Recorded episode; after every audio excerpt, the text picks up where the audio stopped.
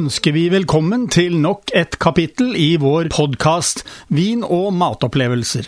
Som vi har gjort tidligere, vil vi tilby deg gode tips om mat og vin, ikke minst nyheter etter hvert som de kommer på Vinmonopolet. I tillegg til det vil vi ta spesielt for oss kombinasjoner av mat og drikke. Vær så god, det er servert. Ja, jeg må innrømme at jeg har hatt et litt fjernt forhold til chablis-viner. For det første synes jeg den knastørre stilen har vært litt for krevende. Veldig tørre viner med mye syre. Det var ikke blant mine favoritter. Men så fikk jeg en chablis i gave. En chablis Premier Cry, laget av druer fra området Montmain. Da snudde opplevelsen seg. Vinen hadde en utrolig fruktighet som overdøvet den knastørre stilen. Det hele ble en fantastisk opplevelse. Akkurat slik har mitt forhold til druen Nebbiolo vært. Jeg har stort sett hatt et fjernt forhold til viner laget på denne druen. Årsaken har vært at jeg har synes disse vinene har vært for utfordrende for min gane. Men slik er det altså ikke for alle. Vindistriktet Piemonte blir av de aller fleste regnet sammen med Toskana som innehaver av ledertrøyen for italienske viner. Jeg vil tro at noen bøyer seg andektig når viner fra Piemonte nevnes. Jeg har reist i Piemonte, og det er et flott område å reise i. Jeg har besøkt en del vingårder der og fått smake deres viner. Perfekte viner rent teknisk sett, men altså ikke noe for meg. Opplevelsen av forholdsvis krevende viner gikk igjen. Men eureka! Nå har jeg fått en ny opplevelse av viner herfra. Som har endret mitt inntrykk av både Nebbiolo-druen og viner fra Piemonte. Da skal vi altså til Piemonte i Italia. Vi skal til vingården Luigi Vogera, som ble startet i 1974 av Luigi og hans kone. Altså ikke noen gammel vingård. I dag har de 22 hektar med vinmarker i området Barbaresco. Det er et lite område like øst og nordøst for byen Alba. Alle deres viner er Barbaresco, og laget på druer som Barbera, Dolcetto, Nebbiolo og noen til. Vinmarkene i Barbaresco ligger noe lavere enn Barolo, på rundt 250 meters høyde over havet. Og jordsbåndet er noe forskjellig. Vinene blir derfor noe mindre kraftige og mer silkemyke. Generelt blir vinene fra Barbaresco regnet som litt lettere og mer elegante enn Barolo. Den første vinen vi smakte, var en Barbera Dalba 2018. Barbera gir vanligvis fruktige og friske viner med moderat snerp som drikkes unge. Og akkurat slik har jeg følt de har vært. De viner jeg har smakt fra dette området, betydelig snerp og stor friskhet. Du finner også mer kostbar Barbera med tettere farge og mer snerp og konsentrert smak og litt fatpreg. Men hildrande du, dette var noe annet. Vinen vi har her var en vin laget kun av barberadruen.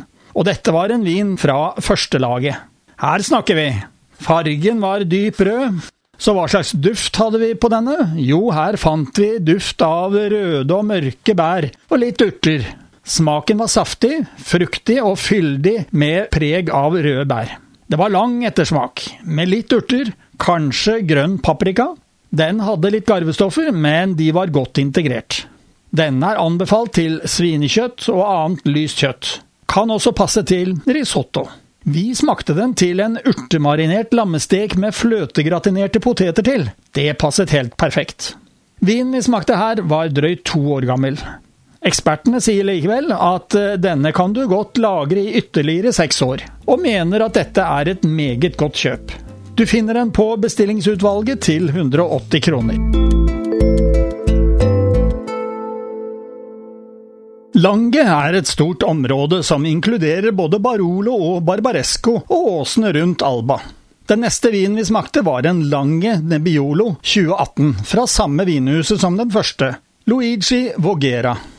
Jepp, her kom Nebbiolo, men jeg hadde et åpent sinn. I boka leser vi at viner av denne druen kan gi ganske lys farge, men mye snerp og konsentrert smak med mange nyanser. Eksempel aromaer som minner om fioler, høstløv, pinjekjerner, kamfer og krydder i tillegg til røde og mørke bær. Her kom altså Nebbiolo-druen. Jeg var klar for både fioler, høstløv og kamfer. Og mine nakkehår begynte å reise seg litt. Men de la seg raskt, for dette var velsmakende. I duften fant jeg preg av skogsbær og god intensitet. I smaken var det fruktighet av modne røde bær, litt krydderpreg var det også, det var god fylde og struktur, litt garvestoffer, men ikke for mye, og det var lang ettersmak i munnen. Vinen er anbefalt til lam og vilt. Vi hadde den til lammestek med fløtegratinerte poteter, noe som passet utmerket. Ekspertene har bedømt denne vinen som et godt kjøp. Det er drøyt to år siden druene ble plukket, men den vurderes til å kunne lagres i ytterligere et par år. Du finner den på bestillingsutvalget til 210 kroner. Ja, det er nok litt over det mange tenker på som en hverdagsvin, men så sier vi den heller kan tas til en søndagsmiddag med gode venner på besøk. Ja, nå har vi kommet til Barolo, og det mange omtaler som førstelaget. Det er nå mange bøyer seg i andektighet. Vinen vi har foran oss er Aurelio Settimo Barolo, og 2014, intet mindre. Hele seks og et halvt år siden disse Nebbiolo-druene ble plukket. Barolo-vinene har ofte mye garvestoffer. Mye lagring kan derfor være bra for disse vinene. Unge og aggressive garvestoffer vil vi ikke ha i munnen. De vil kunne bli runde og integrerte hvis de får noen år bak seg. Dessuten fungerer garvestoffer som et konserveringsmiddel. Et av kjennetegnene på baroleviner er derfor lagringsdyktigheten.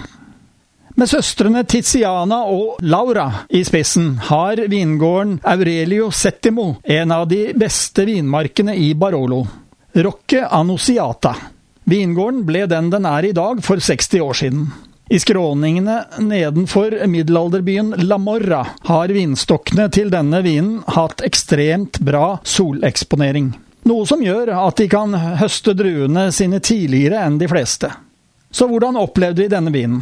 For det første var fargen det jeg vil kalle mursteinsrød. Duften var det jeg vil kalle rik.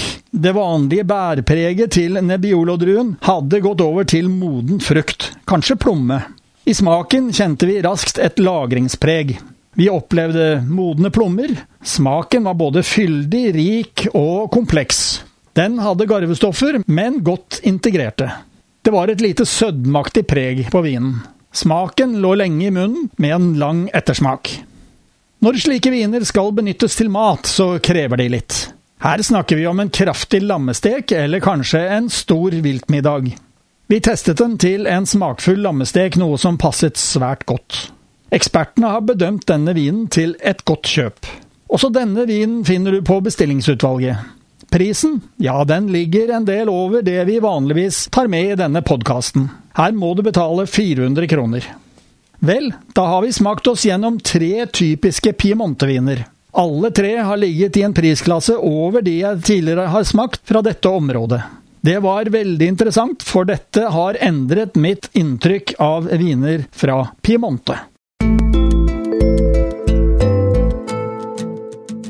Da har du fått dagens podkast fra Radio Riks Oslo om mat og vin. Hvis du ønsker å abonnere på den, slik at du får den automatisk når nye blir lagt ut, kan du gjøre det. Kommende mandag får du neste kapittel. Vi høres!